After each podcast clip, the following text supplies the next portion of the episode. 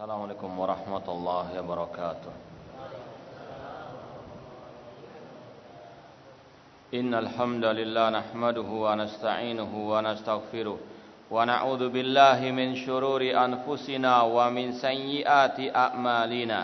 من يهده الله فلا مضل له ومن يضلل فلا هادي له. أشهد أن لا إله إلا الله وحده لا شريك له وأشهد أن محمدا عبده ورسوله. يا أيها الذين آمنوا اتقوا الله حق تقاته ولا تموتن إلا وأنتم مسلمون. يا أيها الناس اتقوا ربكم الذي خلقكم من نفس واحدة وخلق منها زوجها وبث منهما رجالا كثيرا ونساء واتقوا الله الذي تساءلون به والأرحام. إن الله كان عليكم رقيبا. يا أيها الذين آمنوا اتقوا الله وقولوا قولا سديدا. يصلح لكم أعمالكم ويغفر لكم ذنوبكم. ومن يطع الله ورسوله فقد فاز فوزا عظيما. أما بعد فإن أصدق الحديث كتاب الله. وآخر الهدي هدي محمد صلى الله عليه وسلم وشر الأمور محدثاتها وكل محدثة بدعة وكل بدعة ضلالة وكل ضلالة في النار معاصر المسلمين اخواني في الله واخوات رحماني ورحمكم الله kita teruskan kembali kajian kitab Usul Ad-Da'wati As-Salafiyah. Pondasi-pondasi dakwah as-salafiyah yang ditulis atau yang disampaikan oleh Fadilatul Syekh Ad-Doktor Abdus Salam bin Baljas rahimahullah taala. Sekarang kita sampai kepada al-aslu asani, pondasi yang kedua, yaitu al-hirsu ala tatbik al-amali lil Islam. Antusias untuk mengamalkan Islam secara kafah. Antusias mengamalkan Islam secara kafah atau totalitas. Kata Syekh, "Hadzal hirsu yashmal al-hirsa 'ala al-amal bil wajibati syar'iyyah ka salawatil khamsi wa birril walidain wa nahwi dzalik kama yashmal aidan al-hirs 'ala al-amal bis sunnah wa ihya'iha bainan nas mastata'a al-muslim ila dzalika sabila." Antusias ini mencakup antusias dalam mengamalkan kewajiban-kewajiban syariat seperti salat lima waktu, berbakti kepada orang tua dan yang semisal dengannya. Demikian pula mencakup semangat dalam mengamalkan hal-hal yang bersifat sunnah atau mustahab. Sebagaimana Allah mengatakan, "Udkhulu fi silmi kafah." masuklah ke dalam Islam secara kafah, secara totalitas, sepenuhnya. Jangan yu'minuna bi ba'din wa yakfuruna bi ba'd. Mengimani sebagian, mengkufuri sebagian yang lain. Sebagaimana perbuatan ahli kitab. Maka kita sampaikan pada kesempatan yang eh, pertama atau yang kedua kita tiap hari memohon kepada Allah, eh dina siratal mustaqim. Apa itu as-siratul mustaqim? Al ilmu nafi wal amal saleh. Ilmu yang bermanfaat yaitu Al-Quran dan Sunnah dengan pemahaman para salafus saleh dan mengamalkan ilmu an-nafi tersebut. Itulah al-amal as-saleh. Islam adalah ilmu nafi wal amal saleh. Dan itulah yang Allah mengutus dengannya Nabi kita Muhammad sallallahu alaihi wasallam. Allah mengatakan, "Huwallazi arsala rasulahu bil huda wa dinil haqqi liyudhhirahu ala dini kulli walau karihal kafirun."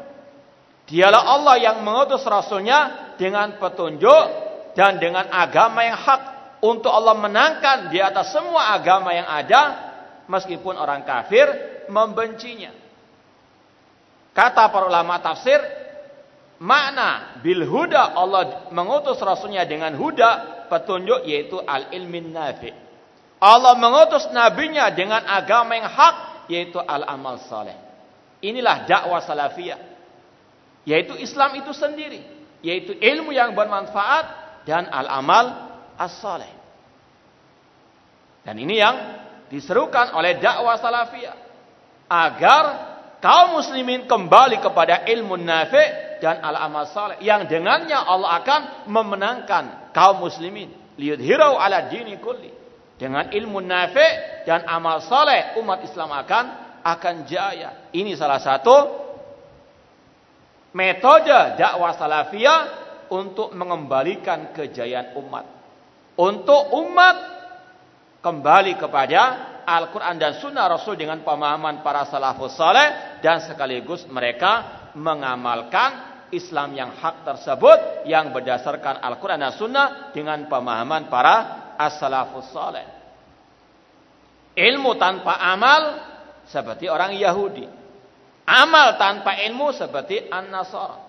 Maka sekali lagi Islam as-siratu al-mustaqim dan itulah sekali lagi ada waktu as-salafiyah. Dakwah salafiyah tidak menyeru kecuali kepada dua hal ini, ilmu nafi' wal amalu as-salih. Kemudian kata beliau, Yaqulu Abu Abdurrahman, Abdurrahman As-Sulami rahimahullah taala. Seorang ulama tabi'in yang bernama Abu Abdurrahman Abdurrahman As-Sulami rahimahullah berkata, "Haddatsuna alladzina kanu yuqri'una al-Qur'an." yani as-sahaba annahum kanu yastaqri'una min Rasul sallam. Para sahabat-sahabat Rasul sallam dahulu mengajarkan kepada kami Al-Qur'an. Dan mereka dahulu belajar Al-Qur'an kepada Rasul sallam. Fakanu idza ta'allamu asyra ayat lam yukhallifuha hatta ya'malu biha fiha minal amal. Tidaklah mereka belajar 10 ayat kecuali mereka amalkan dulu. Baru menambah ayat yang berikutnya. Fata'allamna al-Quran wal amal jami'an. Eh, para sahabat mengatakan kami dahulu belajar Al-Quran dan sekaligus mengamalkannya. Inilah ada wa asalafiyah al ilmu wal wal amal. Ya, ilmu an-nafi wal amalu as-salih. Dan ini tidak ada pengecualian, semuanya wajib untuk mengamalkan Islam secara kafah tersebut. Jangan seperti kelompok yang mengatakan kalau sudah tingkat makrifat nggak ada apa kewajiban. Ini salah satu pembatal keislaman kata para ulama. Makanya antum kalau pelajari 10 pembatal keislaman di antaranya man za'ama anna ahadan ya juzul khuruj ala syariati Muhammadin sallallahu alaihi wasallam faqad kafara.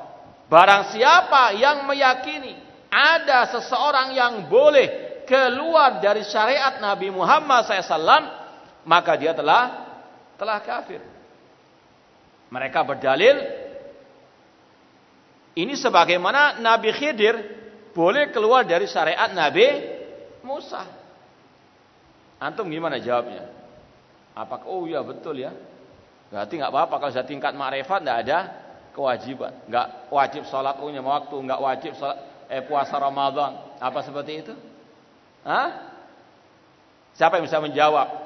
Eh mereka berdalil Nabi Khidir itu boleh keluar dari syariat Nabi Muhammad. Berarti wali itu juga boleh keluar dari syariat Nabi atau Nabi Khidir boleh keluar dari syariat Nabi Musa, berarti wali itu yang tingkat marifat boleh keluar dari syariat Nabi Musa. Nah, apa yang antum bisa katakan? Dapat hadiah? Nah, harus diiming-iming hadiah dulu. Nah, siapa yang bisa menjawab? Kenapa? Kita diwajibkan memang kita Nabi Muhammad bukan mengikuti Nabi Nabi Musa. Eh kurang-kurang tepat. Nah. Siapa yang bisa menjawab? Tapi antum sudah dapat hadiahnya tadi. Nah, tafadhal. Naam, ahsanta. Kalau tepatnya setiap nabi sebelum Nabi Muhammad SAW itu diutus kepada kaumnya masing-masing. Jadi saya ulang lagi, nabi sebelum Nabi Muhammad SAW, setiap nabi sebelum Nabi Muhammad itu diutus kepada kaumnya masing-masing. Adapun Nabi Muhammad SAW diutus kepada semua umat. Rasul mengatakan, utitu khomsan lam yu'tahuna nabiyan qabli. Aku diberi lima keistimewaan yang tidak diberikan kepada nabi sebelumku. Di antaranya kanan nabiyyu bu'itsa ila qaumi khassatan wa bu'istu ila nasi jami'an. Kata Rasul dahulu, nabi diutus kepada kaumnya masing-masing. Sedangkan aku kata Rasul diutus kepada semua manusia. Enggak ada pengecualian. Nabi Khidir yang pertama, Khidir itu nabi bukan wali. Ya, sebagian orang mengatakan dia wali, bukan dia nabi. Ya, sebagaimana jumhur ulama mengatakan dia nabi. Kemudian beliau bukan kaumnya nabi Musa, tidak wajib dia mengikuti nabi Nabi Musa seandainya dia bukan nabi. Namun paling intinya tadi, kalau Nabi Muhammad SAW diutus kepada semua manusia, bahkan kepada al-jin. Allah mengatakan, Kul Ya ayuhan nasu inni rasulullah ilaikum jami'an. Katakan wahai Nabi, wahai manusia, aku adalah utusan Allah kepada kalian semua. Tidak ada apa-apa kecuali orang Arab, orang Eropa, orang Amerika, orang Nusantara, semuanya wajib mengikuti Nabi Muhammad alaihi wasallam. Ya. Jangan mewajibkan kewajiban-kewajiban syariat hanya kepada orang lain eh kepada dirinya tidak wajib. Ya. Dan ini muncul sekarang di zaman eh sebagian orang-orang kita. Ketika kita membantah misalnya sebagian pemikiran-pemikiran sesat, meskipun dari yang masih mengatasnamakan alusunnah, mereka teriak-teriak, kenapa kok Ustadz itu nggak menasihati langsung kepada yang bersangkutan? Lo dia ya komen seperti itu di mana? Kok nggak ke anak langsung misalnya? Ya kan? Jadi orang lain disuruh untuk apa? Menasihati empat mata. Dia sendiri keluar-keluar di mesos, nggak langsung menasihati apa? Kita. Nah, itulah orang yang menganggap tingkat mak makrifat ya. Untuk kita wajib, untuk dia apa tidak? Wajib. Kenapa kok nggak cross check? Ya.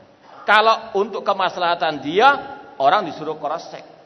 Namun untuk yang lain, ya tidak perlu apa?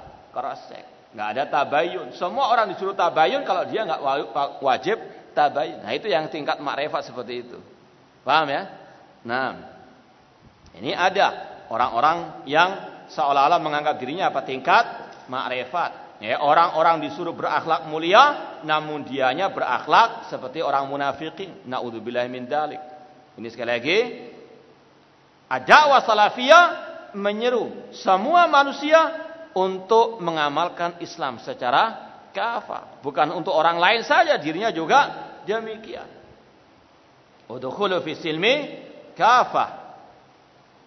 Fahada huwal manhajus salaf. Inilah manhaj as-salaf rahmatullah alaihim ajma'in. Yuqrinunal amal atau yakrununal ilma bil amal. Mereka menggandengkan antara ilmu dengan al-amal.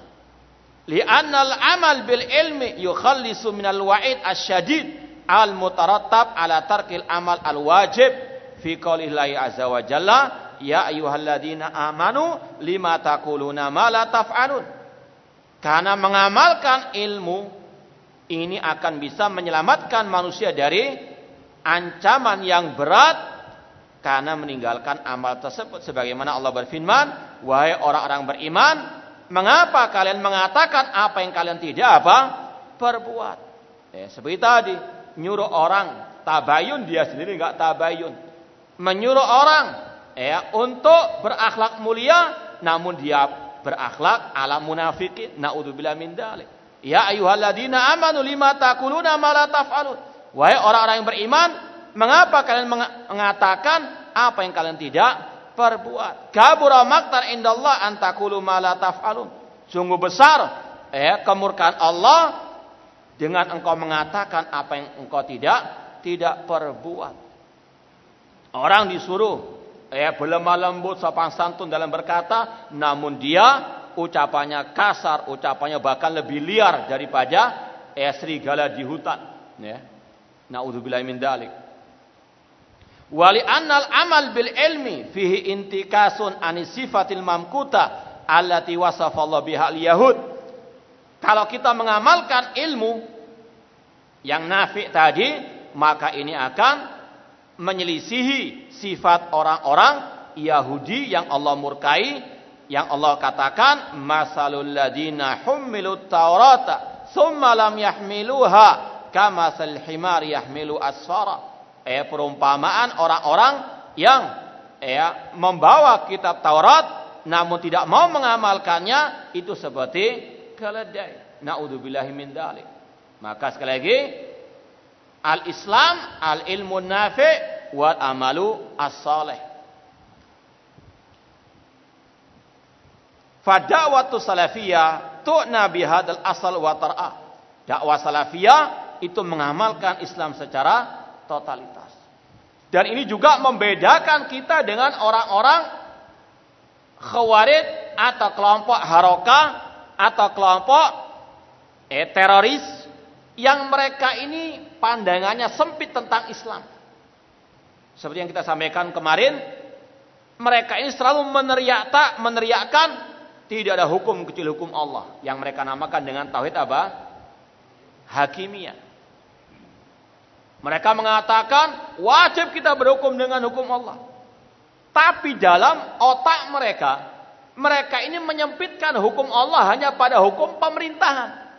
Mereka menuntut pemimpin harus berhukum dengan hukum Allah. Kalau ada pemimpin yang nggak berhukum dengan hukum Allah atau hukum Islam, mereka langsung vonis kafir, murtad, halal darahnya. Mereka lupa dengan diri mereka sendiri. Untuk mereka juga mengamalkan hukum apa? Hukum Islam. Dan wajib dipahami, hukum Islam bukan hanya hukum di pemerintahan saja atau hukum al-hudud saja, kisos, eh raja bukan itu saja hukum Islam. Hukum Islam mencakup semua bidang kehidupan kita. Mulai dari akidah harus berhukum dengan hukum Islam. Makanya Allah berfirman dalam surat Yusuf tentang dakwah Nabi Yusuf alaihissalam di penjara Nabi Yusuf berkata, "Ya sahibai sejeni, a'arbabun mutafarriquna khairun amillahul wahidul qahar." Wahai dua, wahai dua temanku yang di penjara, apakah sesembahan-sesembahan Tuhan-Tuhan yang banyak itu lebih baik ataukah Allah yang Maha Esa lagi Maha Perkasa? Mata buduna min duni illa asma'an samaitumuha antum wa abaukum ma anzalallahu biha sultan. Tidaklah yang kalian sembah selain Allah, melainkan hanya nama-nama yang kalian ada-adakan sendiri yang tidak Allah turunkan keterangan padanya. Kemudian Allah mengatakan inilah hukmu illa. Tidak ada hukum kecuali hukum Allah. Apa hukum Allah? Allah katakan amaro Allah ta'budu illa iya. Allah memerintahkan agar kalian tidak beribadah kecuali hanya kepada Allah. Ini hukum dalam masalah apa? Al-tauhid, al-aqidah. Tidak beribadah kecuali kepada Allah. Harus orang itu ya akidahnya di atas hukum Allah. Tentang tauhid asma wa sifat misalnya. Allah di mana? Harus berhukum dengan hukum Allah. Apa hukum Allah? Allah mengatakan, "Aamintum man fis sama?" Tidakkah kalian ya takut terhadap zat yang di atas langit yaitu Allah? Allah mengatakan Ar-Rahman alat asistawa. Allah tinggi di atas ars. Ini hukum Allah. Cuma kelompok teroris mereka tidak paham bahwa saya hukum Allah ini apa? Luas mencakup semua bidang kehidupan manusia. Inilah dakwah salafiyah mengamalkan Islam secara apa? Totalitas. Kelompok teroris kalau kita kembalikan eh keyakinan mereka kepada mereka sendiri mereka kafir. Ya, kalau kita apa? Kembalikan statement mereka, keyakinan mereka yang mengatakan kalau tidak berhukum dengan hukum Allah maka kafir, mereka hukumnya apa? Kafir juga karena mereka tidak berhukum dengan hukum. Contoh, ya, mereka ketika memfonis orang itu kafir tanpa eh dalil, tanpa hak itu adalah apa? Tidak berhukum dengan hukum Allah. Orang muslim dikafirkan, orang muslim di eh fonis murtad. Ini bukan hukum Allah. Rasul mengatakan man qala li akhiya kafir faqad ba'a bi ahaduhuma. Barang siapa mengatakan kepada saudaranya wahai kafir, maka kekafiran itu akan kembali kepada salah satu di antara di antara keduanya. Demikian pula mereka membunuh orang kafir ya dari turis asing misalnya. Mereka bom, mereka ya bunuh. Rasul mengatakan man qatala muahadan lam yarah ra'yatal jannah. Barang siapa membunuh orang kafir muahad seperti turis asing, dia tidak akan mencium bau surga. Itu hukum Allah, itu hukum Rasul. Mereka nggak mempraktekkan, berarti mereka apa? Ada yang unik juga yang pernah kita eh, alami waktu kita membantah buletin mereka. Ya, waktu itu mereka punya buletin, mereka punya statement yang dibawa naungan Departemen Tohud itu kafir. Paham ya? Dan mereka meyakini negara kita ini negara Tohud. Ya, menteri-menterinya atau kementeriannya, departemennya, departemen apa? Tohud kata kata mereka. Waktu itu lucunya di buletin itu ada tertulis buletin ini diselenggarakan oleh Yayasan Fulan dengan rekomendasi Minkuham. Paham ya? Waktu itu saya bantah, ya. Kalian mengatakan yang di bawah departemen tauhid kafir. Kalian kafir karena apa? Di bawah departemen. Nah. Bulan berikutnya mereka menerbitkan buletin itu tanpa tulisan Minko. Tapi mereka nggak ngakui kalau mereka apa? Salah kalau mereka apa? Itu namanya manhat mincela minceli ya, pelin pelan, ya. Ini kebiasaan mereka seperti itu. Eh, namun ini juga sekarang agak menular kepada orang-orang kita. Eh, manhaj mencela menceli. Kemarin mengatakan tauhid itu prioritas dakwah ahli sunnah. Namun sekarang mengatakan kalau kita dakwakan tauhid kepada umat Islam seolah-olah kita menyamakan mereka dengan Yahudi. Lah kemarin mengatakan tauhid yang utama. Sekarang apa? Beda. Ini manhaj mencelami. Ini manhajnya kelompok haroka. Ya. Tidak apa? Konsisten di atas akidah wal manhaj. Kemarin mencaci maki. Ya, pemimpin kaum muslimin mengatakan pemimpin panen dosa. Ketika dibantah, enggak. Saya cuma membantah, mencela, mengkritik sistemnya.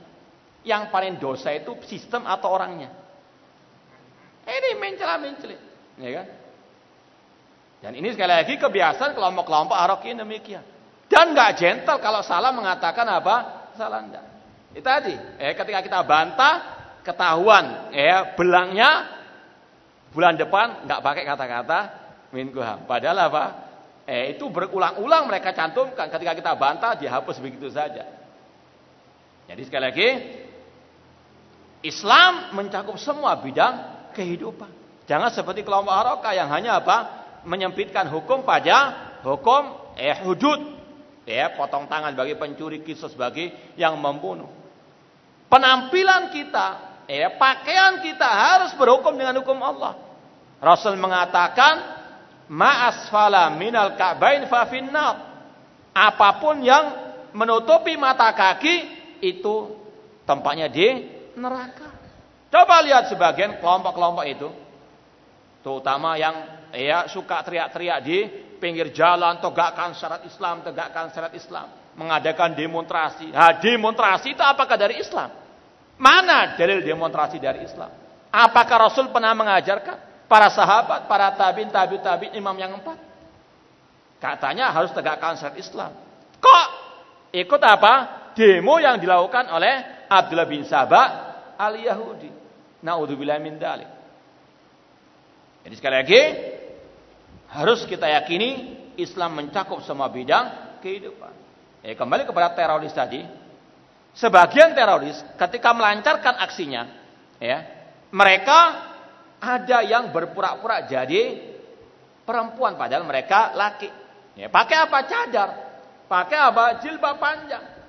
Apa itu hukum Islam? Hah?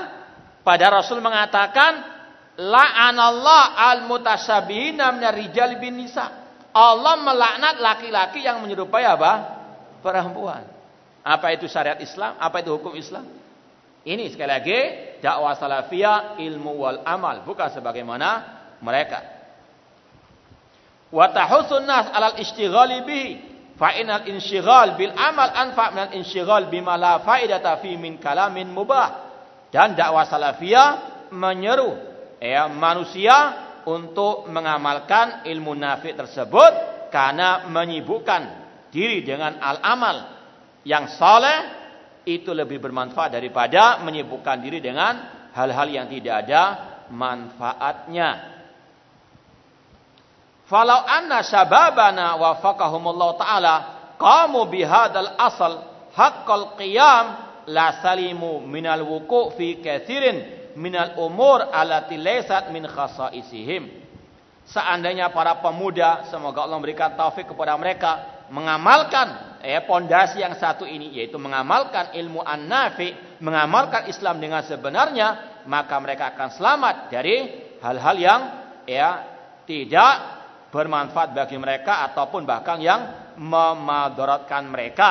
Walatil istighal biha madhi'atun lil waqt yang mana mereka para pemuda banyak disibukkan dengan hal-hal yang membuang-buang waktu mereka. Contohnya apa kata beliau? Kal istighal bitatabu siasat. Menyibukkan diri dengan urusan politik. Ya. Dakwah salafiyah mengatakan minasiasatil antarku siasat. Dakwah salafiyah mengatakan di antara politik kita sekarang meninggalkan politik. Karena politik sekarang politik yang penuh dengan kemunafikan, kekotoran, penuh dengan eh kekejian, menyimpang dari Al-Qur'an dan Sunnah Rasulullah SAW. Namun ya sekali lagi sangat disayangkan sekarang mulai eh, ada dai-dai yang eh, menjabat sebagai apa? Politikus dadakan. Apalagi kemarin waktu nah bahkan apa? Sampai eh, tanpa rasa malu duduk di panggung dangdutan. Lihat enggak? Hah? Ainal haya? Ya, mana itu al asusani al amal? Ya. Katanya salafi. Ya. Tapi apa? Ikut. Jadi apa jurkam politik? Ya. Menonton, menyaksikan. Naudzubillah min dalik kemungkaran-kemungkaran yang luar biasa dahsyatnya. Ya. Ini yang kita sangat eh, sangat sayangkan sekali. Eh, banyak dai-dai kita yang sudah apa? Eh, mulai menyimpang dari rel dakwah salafiyah yang sebenarnya. Dakwah salafiyah ya, sekali lagi menjauh dari kancah politik yang pun dengan kekotoran tadi. Kalau orang itu sudah masuk meskipun hanya istilahnya setengah eh kakinya saja itu sudah naudzubillah akan berlumuran dengan tadi penyimpangan-penyimpangan naudzubillah min ya seperti kata orang Arab mereka mengatakan hadza laisa bi usyrik hadza laisa bi fadruji ini bukan sarangmu ini bukan ya lingkunganmu keluarlah. Jangan apa? Seperti tadi. Kita lihatnya saja malu. Ya. Gimana seorang dai salafi duduk di panggung apa? Politik di panggung dangdutan, ya ada nyanyian, ada la, perempuan laki-laki ikhtilat, ada yang joget-joget. Naudzubillah min Ya alhamdulillahnya nggak ikut joget sekalian. Naudzubillah min Itulah politik. Politik menyeret orang kepada apa? Kebinasaan. Eh kepada kegelapan. Tapi kok mau orang-orang itu apa ingin terjun ke dalam kancah politik.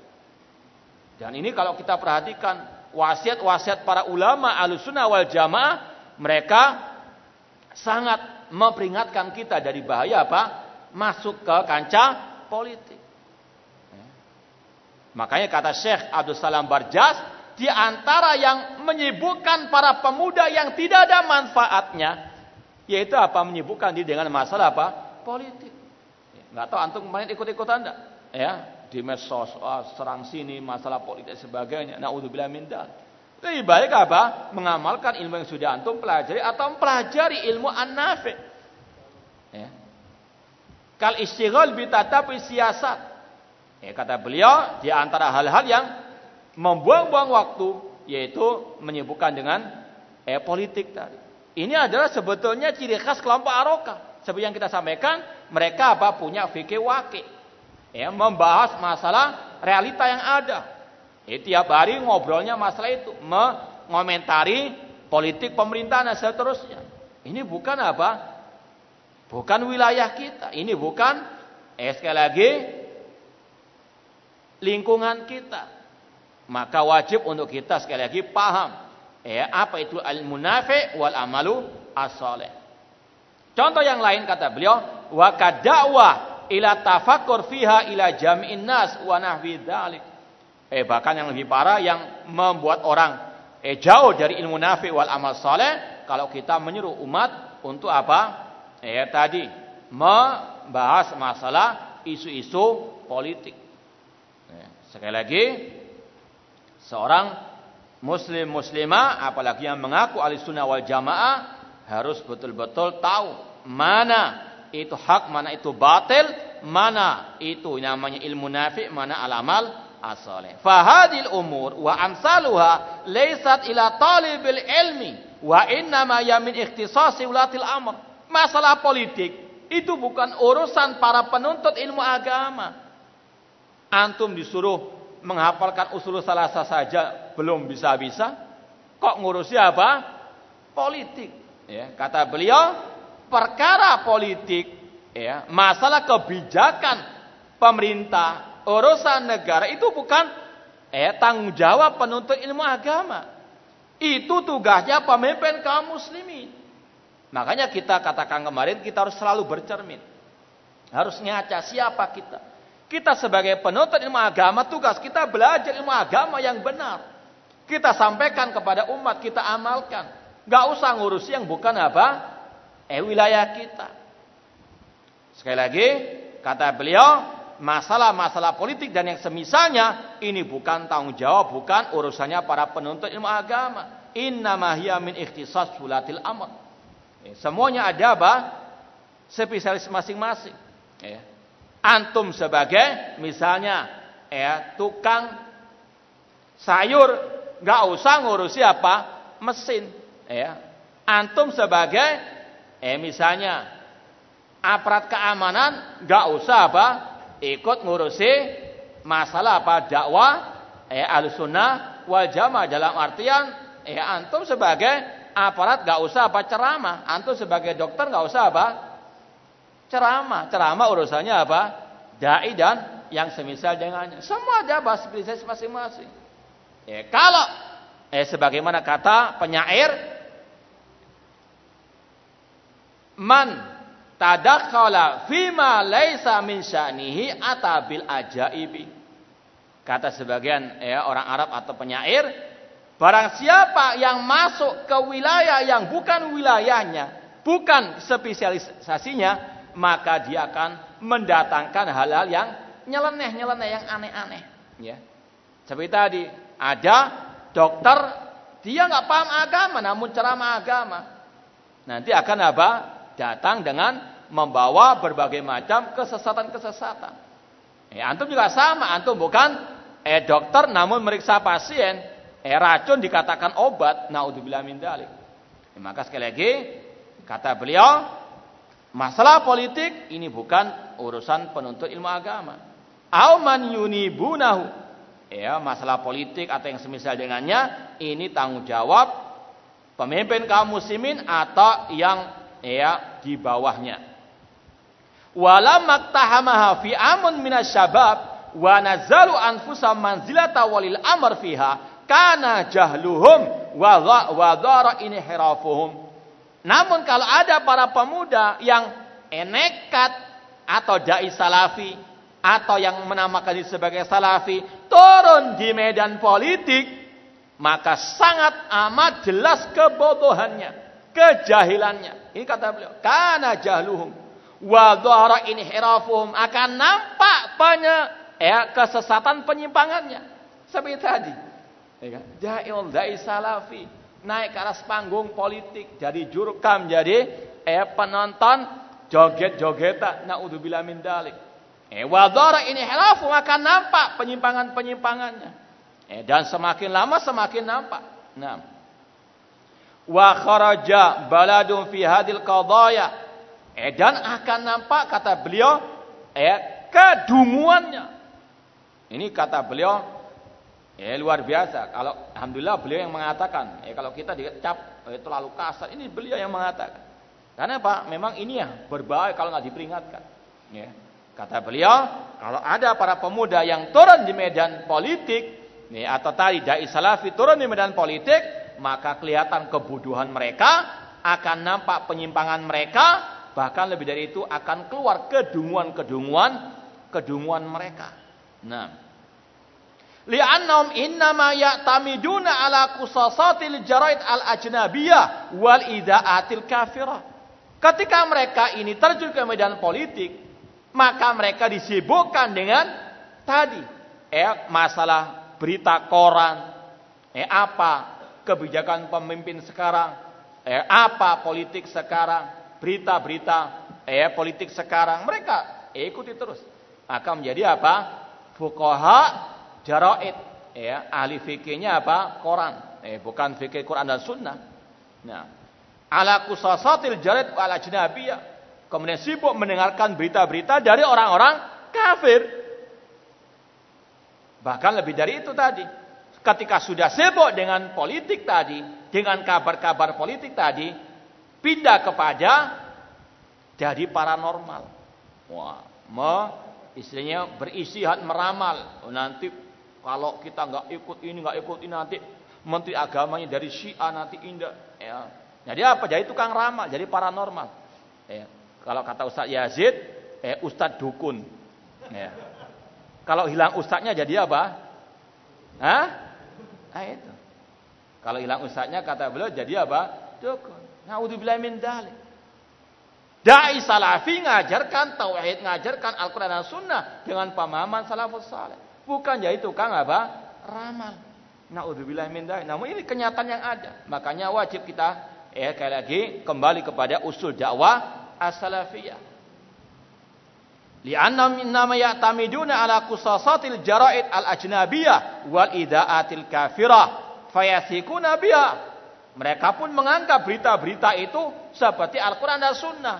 Nggak boleh dibantah itu suatu apa fakta realita harus apa? Dikomentari harus diolah di nah ambil kesimpulan hukumnya. Naudzubillah min dalik.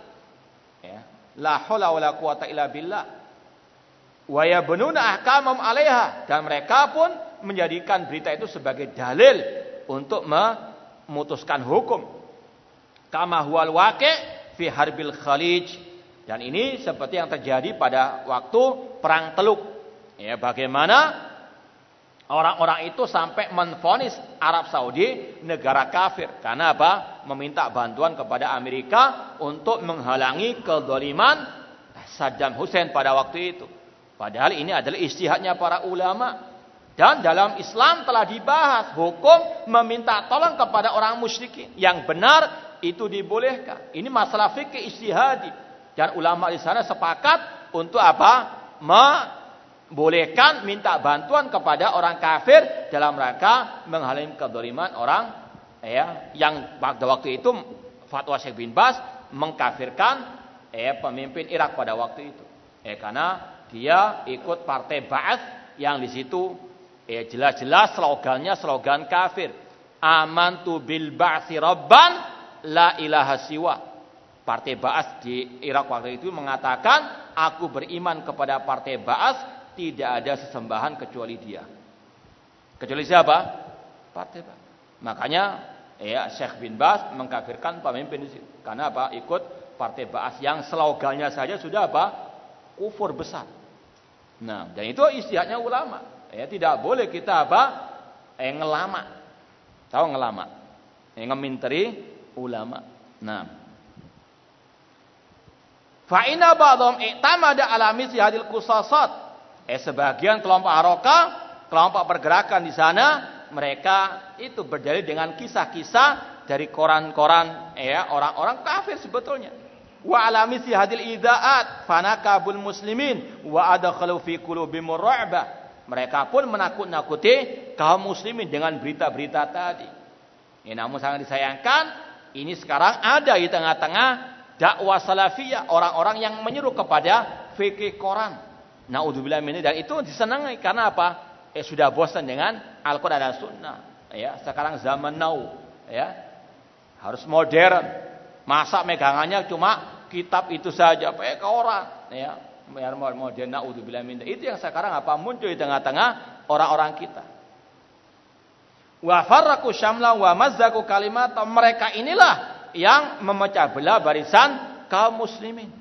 Cuma yang aneh sekarang ini ketika kita menyeru kepada usul dakwah salafiyah kita dianggap kasar dianggap keras enggak ya dikatakan enggak tahu fikih wakil dan sebagainya. Justru yang menyeru kepada fikih Quran ya di istilahnya kembang biakkan ya. Naudzubillah min dalik justru itu yang disenangi oleh sebagian mereka. Maka inilah al-Islam bada ghariban wa sa'udu ghariban kama bada fatuba lil ghuraba. Wa hadzal i'timad 'ala al-qusasat wa 'ala al-ida'at ajnabiyah huwa ghayata ma indahum mimma yusammuna bi usul fikil waqi. Menyibukkan diri dengan kisah-kisah berita-berita di koran atau lewat media mungkin sekarang internet itu yang mereka namakan sekarang dengan usul fikil waqi pondasi fikil waqi inilah bedanya sekali lagi kita dakwah salafiyah dengan kelompok-kelompok sesat tersebut kalau kita usul dakwah salafiyah Al-Quran dan Sunnah ala fahmi sahabat. Kita sibukkan orang dengan Al-Quran dan Sunnah dengan pemahaman para salafus soleh. Ya, atau dengan kitab-kitab para ulama. Bukan dengan berita-berita koran. Maka antum juga harus waspada. Ya, di media sosial juga demikian. Hati-hati. Ngapain antum ngeser-ngeser berita-berita yang juga antum nggak tahu. Itu benar atau tidak. Lebih baik antum eh, share misalnya ceramah seorang dai salafi yang yang betul-betul alal kita wasunnah, share misalnya ucapan eh para salafus saleh. Eh, jangan asal nge-share, harus betul-betul eh ditimbang lagi.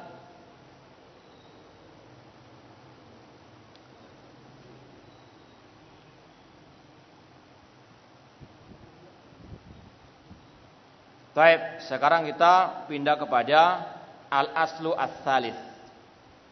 Landasan yang ketiga, pondasi yang ketiga.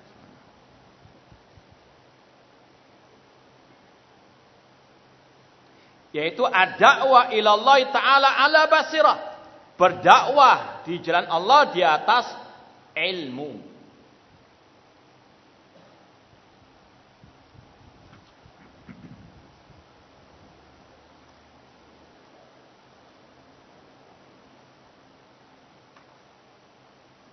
Inilah yang disampaikan juga oleh Syekhul Islam Muhammad bin Abdul Wahab tadi dalam kitab Usul Salasa. Ilmu, amal, dan apa?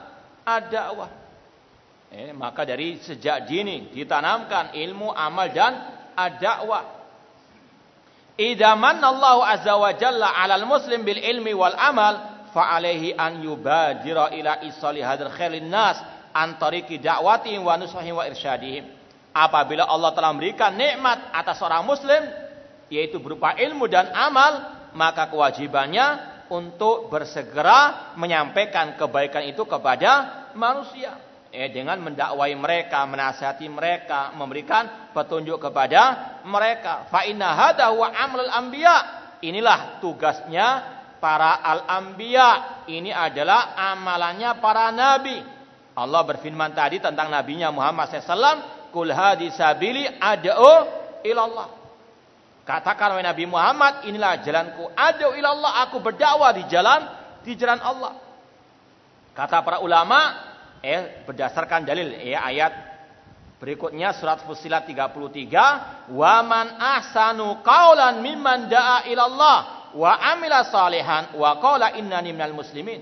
Siapakah yang lebih baik ucapannya daripada yang menyeru ke jalan Allah dan dia beramal soleh dan dia mengatakan aku termasuk kaum muslimin. Kata sebagian para ulama tentang ayat ini, tidak ada orang yang lebih baik amalannya, tidak ada yang paling mulia tugasnya selain berdakwah di jalan Allah Subhanahu wa taala. Allah yang mengatakan sendiri, "Wa man ahsanu qawlan mimman da'ilallah." Karena itu adalah tugasnya para ambia, pekerjaannya para ambia. Yaitu adalah berdakwah. Namun berdakwah ke mana?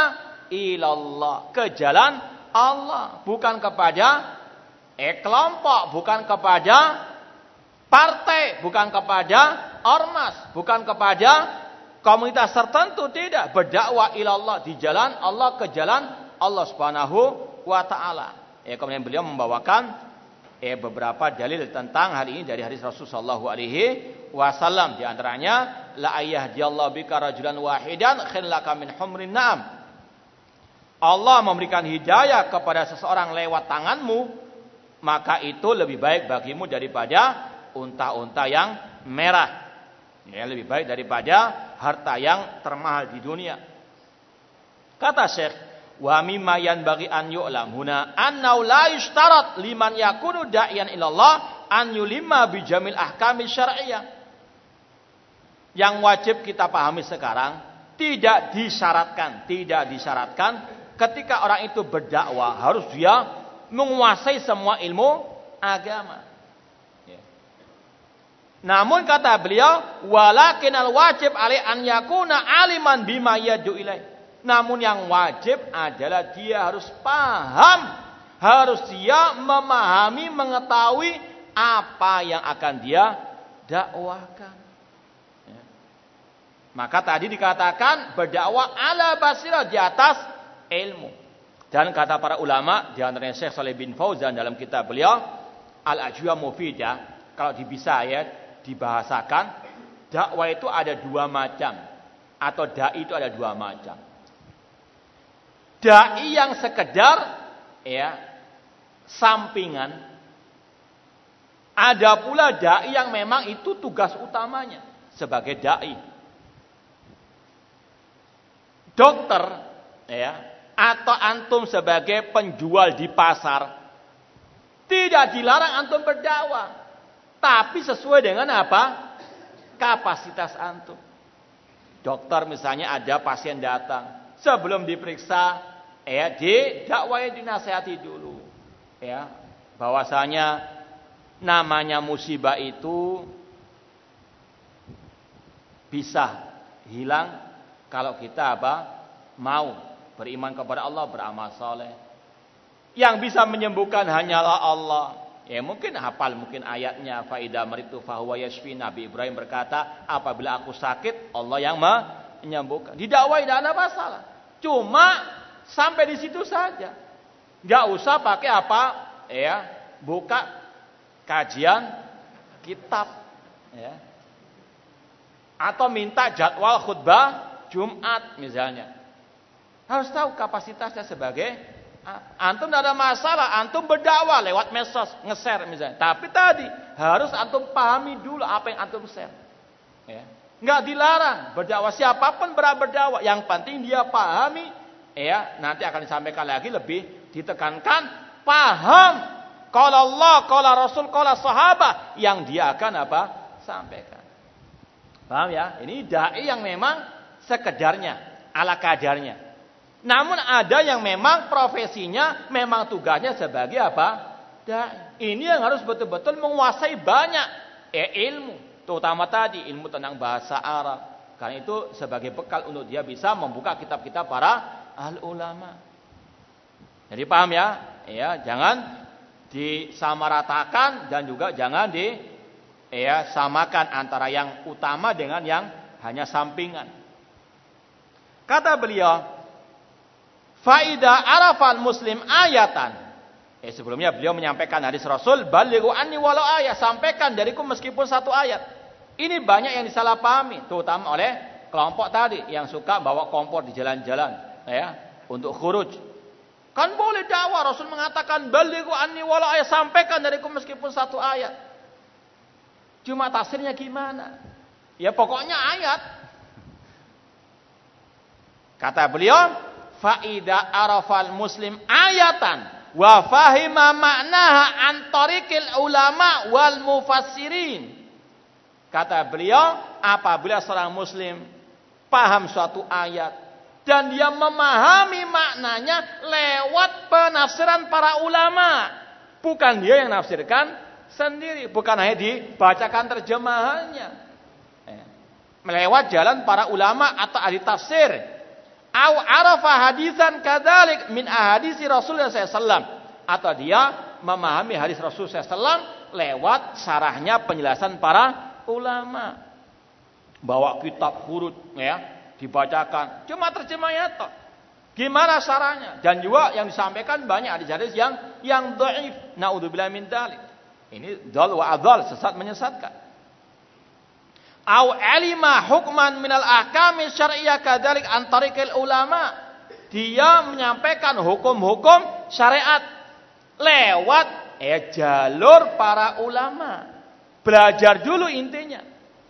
Bukan hanya apa baru tobat megang terjemahan Quran kemudian apa kultum subuh. Ya cuma baca terjemahnya. Ini sekali lagi bisa sesat menyesatkan. Jadi banyak eh kelompok-kelompok itu menyalahpahami ayat atau dari Rasul SAW balighu anni walau ayat itu sampaikan dariku meskipun satu ayat yang maknanya juga benar eh bukan yang menyampaikan lafaznya juga paham maknanya itu yang kata Allah tadi kul hadi sabili adu Allah ala basirah di atas ilmu Yaqulu Asy-Syaikh Al-Allamah Abdurrahman bin Qasim rahimallah fi hasyati li kitab tauhid. Eh, seorang ulama Najd yang bernama Syekh Abdurrahman bin Qasim rahimahullah mengatakan dalam ya, catatan kecilnya beliau terhadap kitab tauhid wala budda li da'wa ilallah min syartain. Dakwah itu harus terpenuhi dua syarat kalau mau benar, kalau mau diterima oleh Allah Subhanahu wa taala. Sama dengan ibadah yang lain. Salat akan diterima kalau terpenuhi berapa syaratnya? Yaitu apa? Ikhlas dan ittiba. Dakwah itu adalah ibadah. Ya, dakwah itu sekali lagi adalah apa? Ibadah. Tidak akan mungkin dakwah itu benar. Enggak mungkin dakwah itu bisa diterima oleh Allah Ta'ala. Kecuali terpenuhi dua syaratnya. Apa itu? Antakuna khalisatan liwajillah. Ikhlas karena Allah wa antakuna wafqa sunnati Rasul sallallahu harus sesuai sunnah Rasul sallallahu alaihi wasallam. Ya. Sekali lagi, dakwah itu sama dengan ibadah, tidak akan mungkin benar, tidak akan mungkin baik, nggak akan mungkin diterima oleh Allah kecuali terpenuhi dua syaratnya. Ikhlas karena Allah dan ittiba'us sunnah, mengikuti sunnah Rasul sallallahu alaihi wasallam.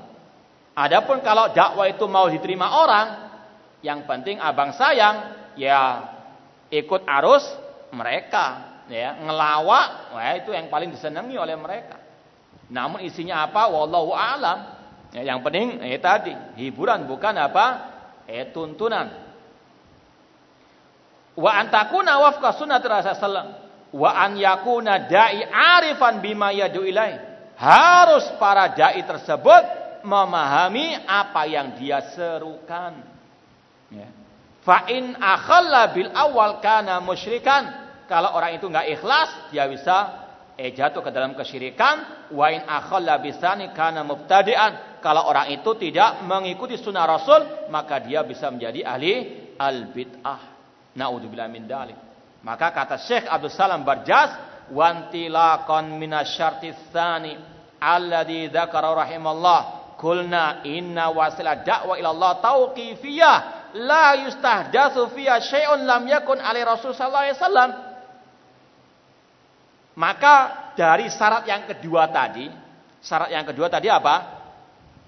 Mengikuti sunnah Rasul. Maka dari sinilah kita katakan metode dalam berdakwah, cara kita berdakwah harus mengikuti ajaran Rasul Shallallahu Alaihi Wasallam. Dakwah seperti sholat tauqifiyah nggak boleh ngarang sholat sendiri. Ada mungkin orang sholat mulai dari rokok dulu. Padahal dia bukan masbuk. Ya. Biar apa? Ya, lebih keren rokok dulu. Nah, biar lebih nyantai langsung sujud dulu. Apakah boleh seperti itu? Hah? Haram. Ya. Salat duhur lima rakaat kan lebih apa? Ya. Banyak biar lebih banyak pahalanya. Apakah boleh? Sama dengan eh salat dakwah juga demikian. Tidak boleh ngarang-ngarang metode dakwah yang baru. Dakwah pertama dan yang paling utama yang harus diprioritaskan dakwah tentang apa? At-tauhid. Bukan yang lainnya, bukan masalah ada, bukan masalah akhlak, dakwah tentang tauhid.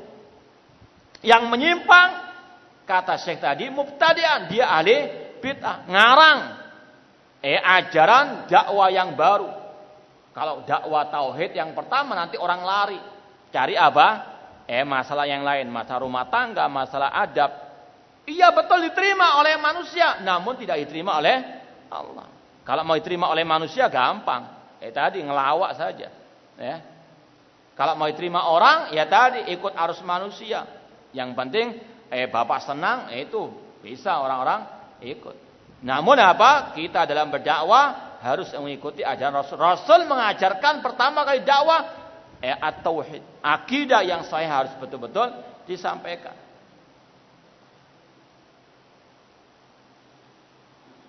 Walidalika istadana kirus salaf ala ahli sama ala likana yaf'alu asufiyah.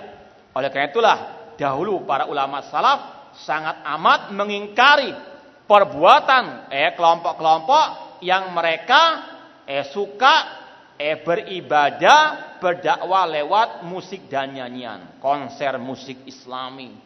Eh dalam rangka dakwah ilallah. Ini adalah apa? Metode dakwah yang bid'ah yang nggak pernah Rasul ajarkan. Seandainya diterima oleh seluruh manusia di dunia, tetap itu katanya salah. Ya, tetap itu dikatakan apa? Batil karena menyelisih ajaran Rasul Shallallahu Alaihi Wasallam.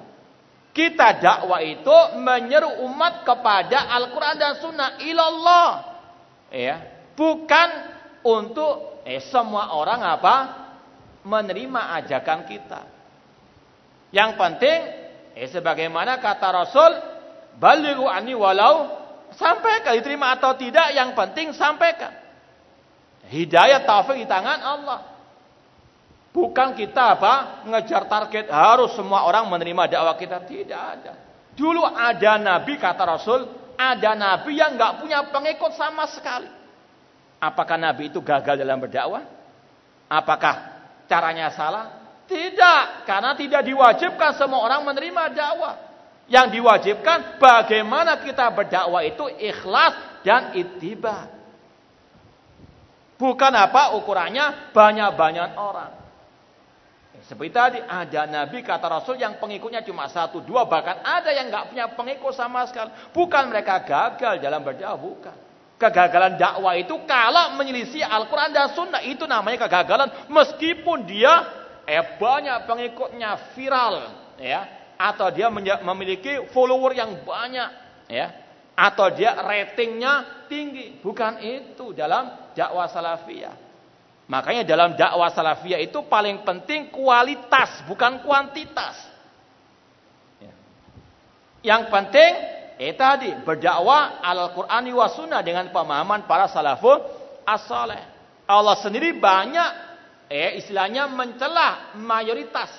Wa intuti aksara man fil adiyudilluka an Jika engkau mengikuti kebanyakan orang, mereka menyesatkanmu dari jalan Allah. Dalam Islam yang penting itu kualitas tadi, ikhlas dan ittiba. Liyabluwakum ayyukum ahsanu amala. Allah ingin menguji kalian siapa di antara kalian yang paling banyak atau yang paling benar amalnya? Hah? Yang paling banyak atau yang paling benar? Iya. Ahsanu bukan aksaru amala. Bukan aksaru atba'an, bukan yang paling banyak pengikutnya. Namun bukan berarti kita meremehkan kuantitas tidak. Cuma jangan dibalik. Mengejar kuantitas, kualitas ditinggalkan. Nggak usahlah dakwah tauhid sekarang ini nanti umat ber, eh, terpecah belah umat nanti lari.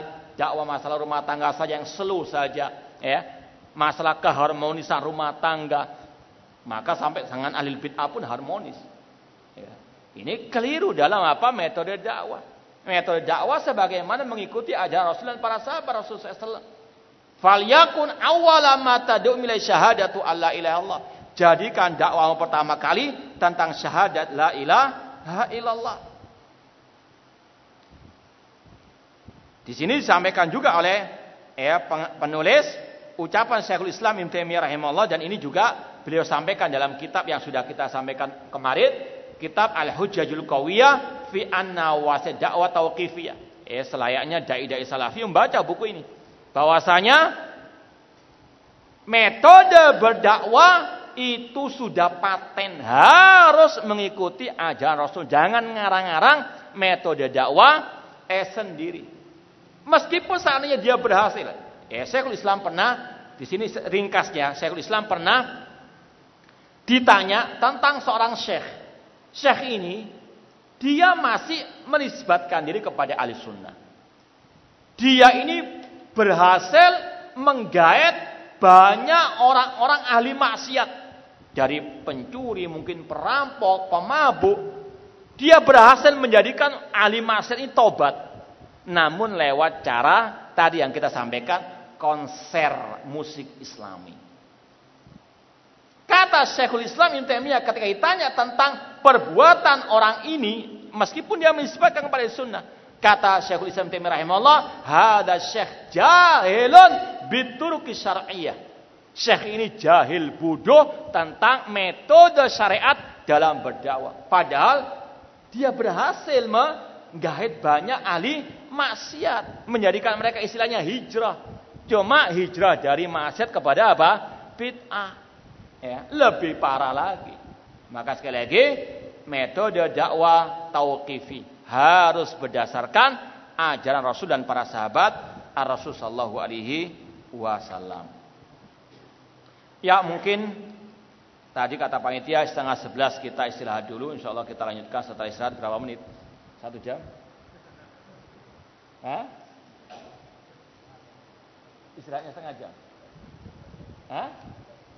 Ya istirahatnya 15 menit. Ya mungkin mau wudhu-wudhu dulu. Ya ada snacknya Wallahu taala Assalamualaikum warahmatullahi wabarakatuh. Alhamdulillah wassalatu wassalamu ala Rasulillah wa ala alihi wa ashabihi wa man wala hamma ba'd. Ya, kita lanjutkan kajian usul dakwati salafiyah al aslu ar-rabi, pondasi yang keempat. Yaitu al-ihtimamu bi aqidati salafi ilman wa amalan wa ta'liman. Antusias dalam berpegang teguh dengan akidah salaf.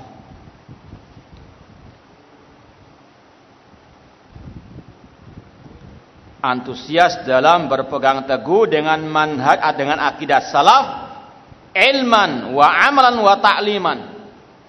Mempelajarinya, mengamalkannya dan mengajarkannya. Saya ulangi lagi, pondasi yang keempat dari usul dakwati salafiyah antusias dalam berpegang teguh dengan akidah salaf baik dalam mempelajarinya, mengamalkannya dan mengajarkannya. Kata Syekh, "Wa inna mimma yusafu lahu annana asbahna nasma'u fi hadil awinatil akhirah kalaman yunabidu al aqidata. Di antara hal yang kita sangat sayangkan, kita dengar eh pada akhir-akhir ini ucapan yang meremehkan masalah akidah. Ucapan-ucapan yang merendahkan al-aqidah wa yub'iduha an sahatil ihtimam. Bahkan istilahnya menggembosi akidah atau menggembosi kajian akidah atau lebih parah dari itu membubarkan kajian akidah. Ini sangat amat disayangkan kata beliau. Faminal jamaat man ya'tabiru masail akidah masail juz'iyat la yu'tana biha. Di antara kelompok-kelompok haroka, kelompok-kelompok sesat itu ada yang menganggap masalah akidah itu masalah sampingan. Ya. Kalau ada yang juga mengungkapkan dari golongan mereka, akidah itu ibaratnya kata mereka seperti kulit. Ya. Sedangkan masalah jihad, masalah politik itu ya inti Islam. Naudzubillah min dzalik. Ya mereka menganggap seperti pisang lah. Pisang ada kulit, ada apa? Isinya. Akidah itu kulitnya saja ngapain untuk di ya. Kata mereka orang barat sudah sampai ke bulan kita masih membahas masalah Allah di mana. Naudzubillah min. Meremehkan masalah apa? Al-aqidah. Bahkan yang kita sampaikan kemarin di antara kelompok-kelompok haroka ada kelompok namanya Sururiyah. Siapa pendirinya? Muhammad bin Surur Abidin. Di antara kesesatannya dia mengatakan kitab-kitab akidah salaf itu sudah istilahnya kadaluarsa. Sudah nggak relevan di zaman ini. Karena kitab-kitab akidah itu hanya zaman dulu, zaman now beda masalahnya. Itu kelompok-kelompok haroka, pergerakan atau kelompok-kelompok sesat se ya secara umum mereka meremehkan pembahasan masalah akidah. Dan ini sangat disayangkan menular kepada sebagian dai-dai yang masih menisbatkan diri kepada dakwah salafiyah. Yang saya kasih buku tadi masalah menyelami samudra kalimat tauhid coba dibuka mukodimanya itu bantahan kepada sebagian dai yang ya menggembosi dakwah tauhid.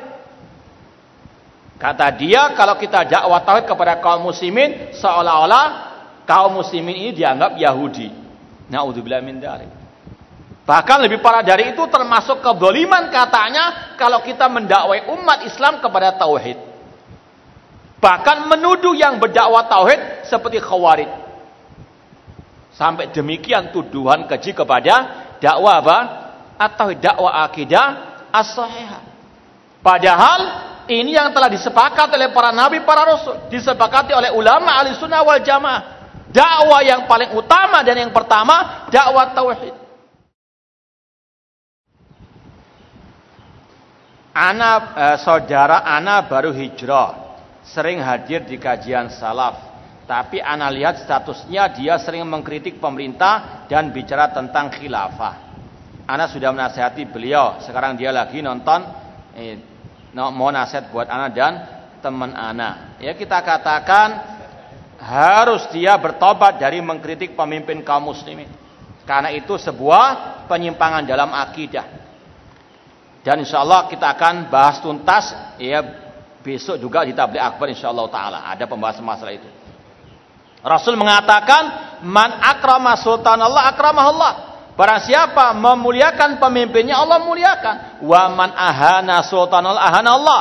Barang siapa yang menghinakan pemimpinnya Allah akan hinakan. Dahulu kata Anas bin Malik seorang sahabat Rasul, "Nahana kubarauna min ashabi Rasul sallallahu Dahulu para senior-senior para sahabat Rasul memberikan ya wejangan, larangan, peringatan kepada kami. Apa kata para sahabat yang senior itu?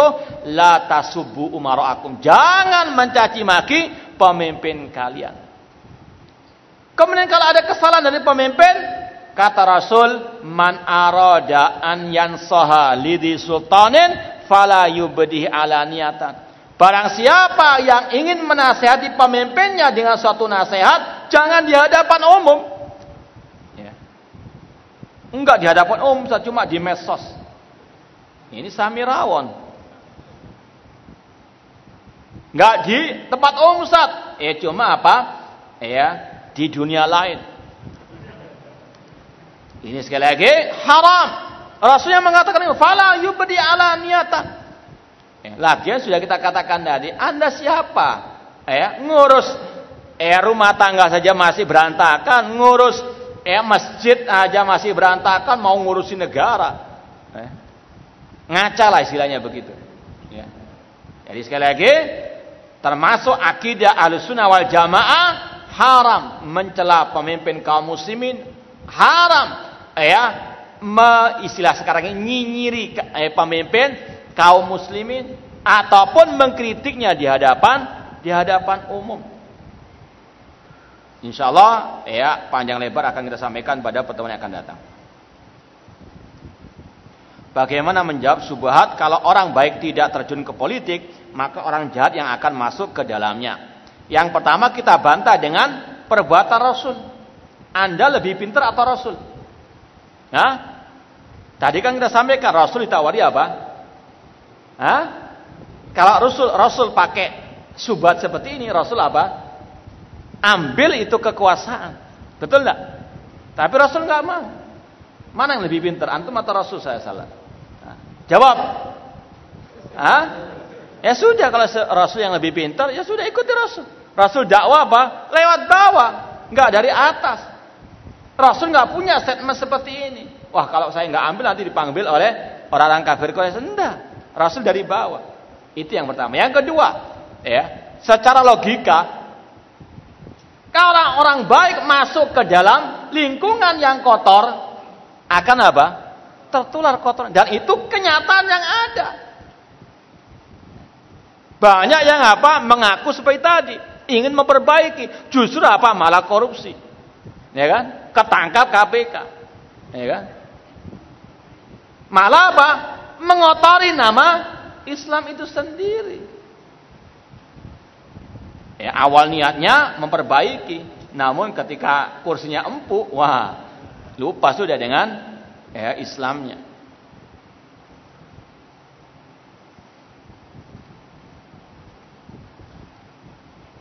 Makanya dalam Islam sudah kita sampaikan tadi dalam dakwah salafiyah reformasi harus dari dari bawah, tidak bisa dari dari atas.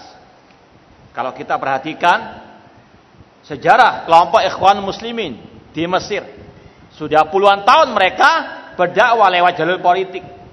Terakhir kemarin mereka apa sudah mengangkat presiden mereka atau pemimpin tokoh mereka menjadi presiden Muhammad Mursi yang sudah meninggal kemarin. Apa yang terjadi? Apakah setelah Mursi jadi presiden, ya Mesir aman sentosa, Mubarak dan seterusnya? Tidak. Yang ada apa? Kudeta lagi. Dia dimasukkan penjara sampai mati. Apakah itu yang mereka inginkan? Gak akan mungkin berhasil selamanya. Ya, keberhasilan itu sekali lagi meskipun bukan masalah itu, namun ya dengan fakta yang ada di lapangan itulah akan kita lihat juga apa namanya keberhasilan mereka ataukah tidak. Ya secara fakta nggak berhasil, secara nas juga apa tidak sesuai. Jadi secara nas mereka menyimpang, secara kenyataan nol putul istilahnya. Ya, tidak ada apa. Di Aljazair dahulu, ketika mereka apa sudah menang eh pemilu, apa yang terjadi? Kudeta lagi, pertumpahan darah se ya Ya sangat lama sekali sampai detik ini masih ada apa asar bekas-bekasnya. Maka sekali lagi reformasi dari bawah sesuai dengan ajaran Rasul Shallallahu Alaihi Wasallam. Apakah salafi anti politik? Iya politik yang kotor, yang penuh dengan kemunafikan, penuh dengan kecurangan. Namun salafi tidak anti dengan politik yang syar'i. Islam membahas segala sesuatu. Islam membawai semua bidang kehidupan. Di antaranya masalah politik. Namun asyasa syar'iyah. Jangan gagal paham. Ya, sebagian orang gagal paham kalau kita mengatakan kita nggak mau politik dianggap mau ya seperti sekuler tidak. Kita mengatakan politik yang ditinggalkan politik yang penuh dengan kekotoran seperti yang ada sekarang ini. Ya. Namun Islam ada politik, politik asyari. Makanya ada sebuah kutep ya, kutep kecil buku seperti ini judulnya Asyasa alati yuriduha as-salafiyun. Politik yang diinginkan oleh salafi. Ditulis oleh Fadilatul Syekh Masyhur Hasan Salman, muridnya Syekh Albani rahimahullah. Salafi punya politik, cuma bukan politik yang ada sekarang. Jadi jangan gagal paham, bukan berarti kita apa menolak semua. Seperti ketika salafi atau ahli sunnah mengingkari zikir-zikir yang bid'ah. Bukan mengingkari semua zikir. Yang diingkari yang apa? Yang bid'ah. Ketika salafi mengingkari sebagian selawat-selawat yang bid'ah, bukan berarti mengingkari semua apa?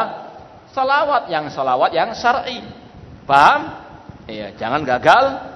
Nah, iya. nah, sekarang ini banyak yang gagal paham, bahkan omongan sendiri pun dia gagal paham.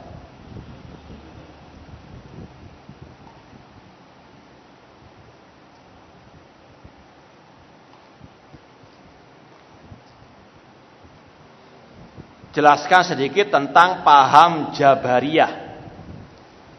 Di antara kelompok yang menyimpang dalam masalah iman kepada takdir, tadi sudah kita sampaikan kelompok siapa namanya? Qadariyah. Jadi ada dua kelompok yang sesat dalam masalah takdir, kelompok Qadariyah dan kelompok Jabariyah. Kelompok Qadariyah ini mengatakan perbuatan yang jelek, maksiat itu tidak ada campur tangan takdir Allah. Manusialah yang menciptakan, mentakdirkan perbuatan jelek tersebut. Artinya mereka menafikan takdir Allah. Kelompok Jabariyah lawannya mengatakan manusia berbuat maksiat itu paksaan dari Allah. Paham? Yang satunya ekstrim menafikan takdir Allah, yang satunya ekstrim menetapkan takdir Allah. Alusuna pertengahan. Alusuna mengatakan perbuatan ya manusia yang baik maupun yang jelek. Yang pertama itu dengan kehendak Allah. Ya. Semuanya terjadi dengan kehendak Allah. Namun tidak mengesampingkan kehendak manusia. Manusia punya kehendak, namun kehendak Allah yang lebih di atas. Allah berfirman, "Wa ma tasyauna illa an yashallah rabbul alamin." Tidaklah kalian berkehendak kecuali Allah juga ber berkehendak. Kelompok Qadariyah mereka mengatakan Allah nggak punya eh, Allah tidak punya kehendak, menafikan kehendak Allah, takdir Allah. Kelompok Jabariyah menolak kehendak manusia. Seolah-olah manusia seperti bulu yang nggak ada kehendak sama sekali. Alusna pertengahan menetapkan kehendak manusia juga menetapkan kehendak Allah namun kehendak Allah yang lebih di atas. Paham? Itu namanya kelompok Al-Jabariyah. Jabariyah itu dari kata-kata al-jabr, memaksa. Jadi seperti antum ini kata kelompok Jabariyah, antum ke sini itu dipaksa oleh Allah, antum nggak punya pilihan. Betul nggak itu? Hah? Apakah antum istilahnya bangun tidur langsung ujuk-ujuk sampai di sini tanpa ada niat sama sekali? Enggak benar. Rasul sendiri mengatakan innamal a'malu bin niat. Itu namanya kelompok Al-Jabariyah.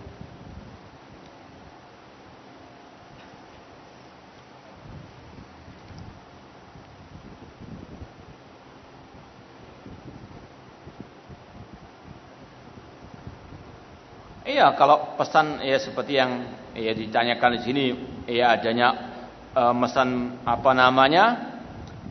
E, kufur dan sebagainya, tidak ada masalah. Nah.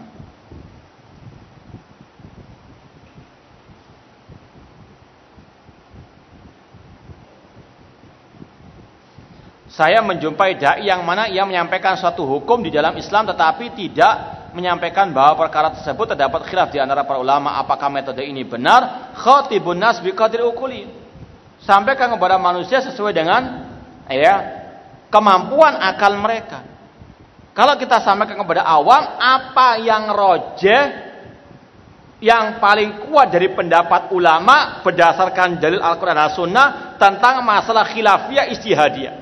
Ya. Gak usah disampaikan madhab Hanafi berkata demikian, madhab Syafi'i berkata demikian, madhab ini demikian, silakan anda pilih. Ya, ini malah nggak benar. Seorang dai menyampaikan kepada umat apa yang memang ya itu sesuai dengan dalil Al-Qur'an dan Sunnah Rasul sallallahu alaihi wasallam. Enggak perlu kecuali kalau antum ngajar di kelas khusus ya para penuntut agama. Di situ memang mungkin ya pelajarannya fikih mukorona perbandingan mazhab ya tidak ada masalah. Ya.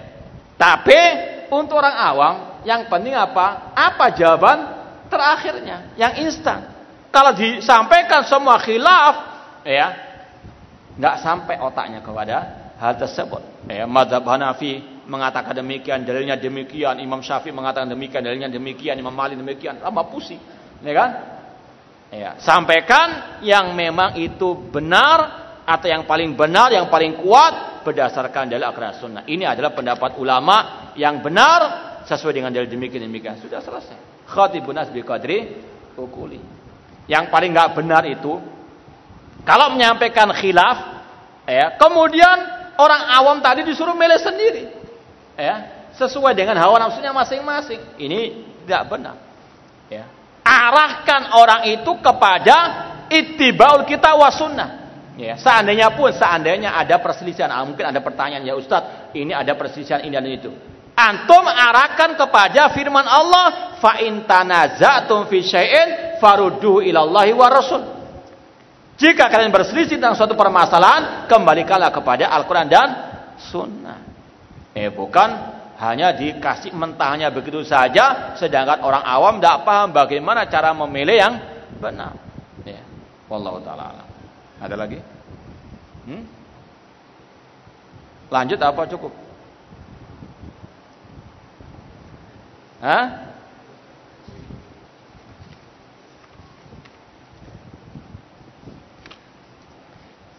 Ya kita lanjutkan satu poin saja. Al aslul khamis pondasi yang kelima. Al ihtimamu bi sunnatin nabawiyah wal hirsu alal amal biha wa da'watu ila zalik atau wa da'wati ila zalik antusias berpegang teguh dengan sunnah Rasulullah SAW dengan mengamalkan dan mendakwahkannya.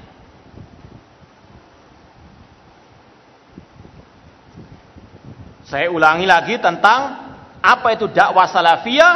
Dakwah salafiyah hanyalah seruan kepada ajaran Rasul dan para sahabat Ar-Rasul ma'ana alaihi wa ashabi. Maka pondasi dakwah salafiyah ajarannya Rasul sallallahu alaihi wasallam senantiasa mengajak umat kepada sunnahnya Rasul, bukan kepada sunnah nenek moyang, ya, bukan kepada sunnah eh tokoh-tokoh mereka. Makanya kalau ada yang mengaku alusunah wal jamaah, timbang lagi dengan sunnahnya Rasul, katanya alusunah, tapi yang lebih didahulukan adat istiadat. Tapi yang didahulukan adalah ajaran nenek moyang. Maka ini bukan alusunah wal jamaah yang asli. Iya betul alus sunnah, cuma sunnah nenek moyang. Ya. Bukan sunnahnya Rasulullah alaihi wasallam. Namanya alus sunnah wal jamaah yang sejati, yang betul-betul asli. Itu yang alus sunnah betul-betul berpegang teguh dengan sunnah an-nabawiyah. Sunnahnya Rasul. Apalagi berkaitan dengan masalah al-aqidah. Mempelajari sunnahnya Rasul dalam akidah. Bagaimana ibadahnya Rasul sallallahu alaihi wasallam, bagaimana dakwanya Rasul. Ya. Kata Syekh Inna ahaqqa inna ahaqqa ma'tana bihil muslim. Al amal ala iktifari asari nabiyhi sallallahu alaihi wasallam. Sesungguhnya yang layak untuk diperhatikan oleh seorang muslim yaitu mengikuti jejak Rasul sallallahu alaihi wasallam. Wa tajsiduha fi hayati mastata'la dzalika sabila. Dan betul-betul menanamkannya ke dalam ya lubuk hatinya. Betul-betul ingin untuk menghidupkan sunnah Rasul dalam kehidupannya sehari-hari sesuai dengan kemampuannya. Wadhalika li'annal ghaya alati yas'al muslim li ajliha innama hiya tahsilul hidayah allati tusilu ila dari sa'adah. Karena seorang muslim itu sekuat tenaga berusaha menggapai hidayah yang akan mengantarkannya kepada kebahagiaan. Dan tidak akan ada hidayah tanpa melewati sunnahnya Ar-Rasul sallallahu alaihi wasallam. Allah berfirman, "Wa in tuti'u tahtadu." Jika kalian mentaati Rasul, kalian akan mendapatkan al-hidayah. Ya, di sini Asyik membawakan dalil-dalil tentang wajibnya ihtiba mengikuti ajaran Rasul sallallahu alaihi wasallam. Eh wattabi'u la'alakum tahtadun. Ikutilah Rasul agar kalian mendapatkan al-hidayah. Laqad kana lakum fi Rasulillah uswatun hasanah. Sungguh telah ada suri teladan yang baik bagi kalian pada diri Rasul sallallahu alaihi wasallam. Kalau kita buka tafsir Ibnu Katsir tentang ayat ini, surat Al-Ahzab ayat 21, ini dibawakan oleh beliau, wa hadil ayat aslun kabirun fit ta'asi bi Rasul sallallahu alaihi wasallam fi aqwali wa af'ali wa ahwalihi. Kata Imam Ibnu Katsir, ayat ini surat Al-Ahzab 21 adalah pondasi adalah landasan wajibnya mengikuti Rasul dalam ucapan beliau, perbuatan beliau dan keadaan beliau. Apalagi di tengah-tengah perselisihan umat, alaikum bisunnati wa sunnatil khulafa ar-rasyidin. Eh makanya tadi kalau ada perselisihan kembalikan kepada Al-Qur'an dan apa? As-sunnah. Alaikum bisunnati. Eh, bukan dasarnya wah yang penting ada perselisihan jangan keras-kerasan. Tidak. Kalau ada perselisihan Allah mengatakan alaikum bisunnati wasun atau Allah mengatakan fa in tanazatum fi syai'in faruddu ila wa Rasul. Rasul mengatakan kalau ada perselisihan alaikum bisunnati wa sunnatil khulafa ar-rasyidin. Ya, misalnya, misalnya ada sebagian dai-dai kita mengatakan boleh dakwah dimulai bukan dengan at-tauhid, boleh dengan akhlak adab. Ada perselisihan. Nah, kembalikan kepada Al-Qur'an dan Sunnah. Apa kata Al-Qur'an? Ya, dakwah para nabi tadi Rasul dikatakan subhanallah wa ma ana minal musyrikin. Dakwanya tauhid. Para nabi seperti Nabi Nuh, Rasul yang pertama apa seruan Nabi Nuh? Ya kaumi ibudullah. Nabi Yusuf tadi masih di penjara, tetap dakwanya yang pertama dakwah apa? At-tauhid. Sebelum beliau menjawab takwil mimpi, beliau mendakwahi dua temannya di penjara, dakwah apa? At-tauhid. Jelas Al-Quran menyeru memprioritaskan dakwah tauhid. Rasul juga sama mengatakan kepada Mu'ad, ya Mu'ad, Inna kata qauman ala kitab falyakun awwala ma tarimna syahadatu alla ilaha illallah. Jangan cari pembenaran. Eh kalau cari keringanan ulama banyak. Nah.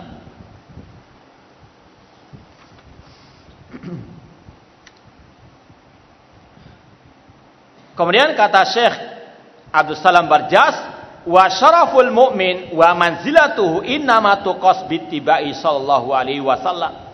Kemuliaan seorang mukmin kedudukan seorang mukmin itu dilihat dari itibaknya kepada Rasul sallallahu alaihi wasallam.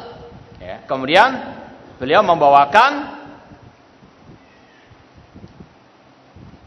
ucapan Ibrahim An-Nakhai rahimahullah taala kanu ida atar rajul liyakhudhu anul ilma nadhar ila salatihi dahulu para salafus saleh kalau mau menimba ilmu dari seorang guru, mereka lihat dulu dari cara sholatnya.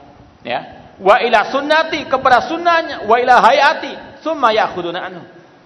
Ya, memperhatikan bagaimana itibanya kepada sunnah Rasul sallallahu alaihi wasallam.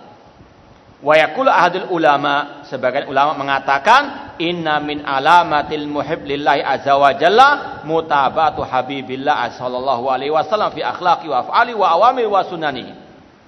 Di antara tanda orang itu cinta kepada Allah kalau dia cinta kepada kekasihnya Allah yaitu Rasul SAW.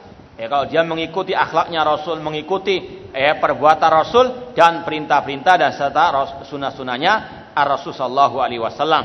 Kemudian beliau membawakan surat Ali Imran ayat 31, "Qul in kuntum tuhibbunallah fattabi'uni yuhibbukumullah." Katakanlah, jika kalian cinta kepada Allah, ikutilah aku kata Rasul maka Allah akan mencintai kalian. Eh kata Al Hasan Al Basri, ja'alallahu alamata hubbi iyahum ittiba sunnati Rasul sallallahu Allah menjadikan tanda kecintaannya kepada orang itu kalau dia mengikuti ajaran Ar-Rasul sallallahu alaihi wasallam. Mengaku cinta Rasul namun berbuat bid'ah. Itu tidak cinta yang sejati itu cinta palsu. Ya kalau cinta yang sejati mentaati Rasul mengikuti ajaran Ar-Rasul SAW sebagaimana kata seorang penyair taksir Rasulah wa anta tudhir hubbahu. Hadza muhalun fil qiyasi badi'u. Engkau memaksiati Rasul namun engkau mengaku cinta kepada Rasul. Ini enggak sesuai dengan eh, fakta yang ada atau enggak sesuai dengan logika. Idza kana hubbuka shadiqan la ta'tahu innal muhibba liman yuhibbu muti'u kalau cintamu itu jujur dari dalam hati maka engkau akan mentaatinya karena orang yang cinta akan mentaati orang yang dicintainya itu adalah bukti cinta kepada Ar-Rasul. Eh, banyak orang mengaku cinta kepada Rasul, namun justru menyimpang dari ajaran Ar-Rasul Shallallahu Alaihi Wasallam. Kemudian, eh, beliau membawakan hadis Irbad bin Sariyah. Nah, ini kita bocorkan tablik akbar besok itu membahas wasiat emas Rasul yaitu hadis Irbad bin Sariyah radhiyallahu taala anhu. Insyaallah eh, kita jelaskan di pertemuan yang akan datang. Ya, mungkin ini saja yang mungkin bisa kita sampaikan. Mudah-mudahan bermanfaat. Sebelum kita akhiri, kalau ada pertanyaan, kalau tidak kita akhiri. Ya, wallahu taala alam aqul qali hada wa akhiru da'wana anil hamdulillahi rabbil alamin wassalamualaikum warahmatullahi wabarakatuh.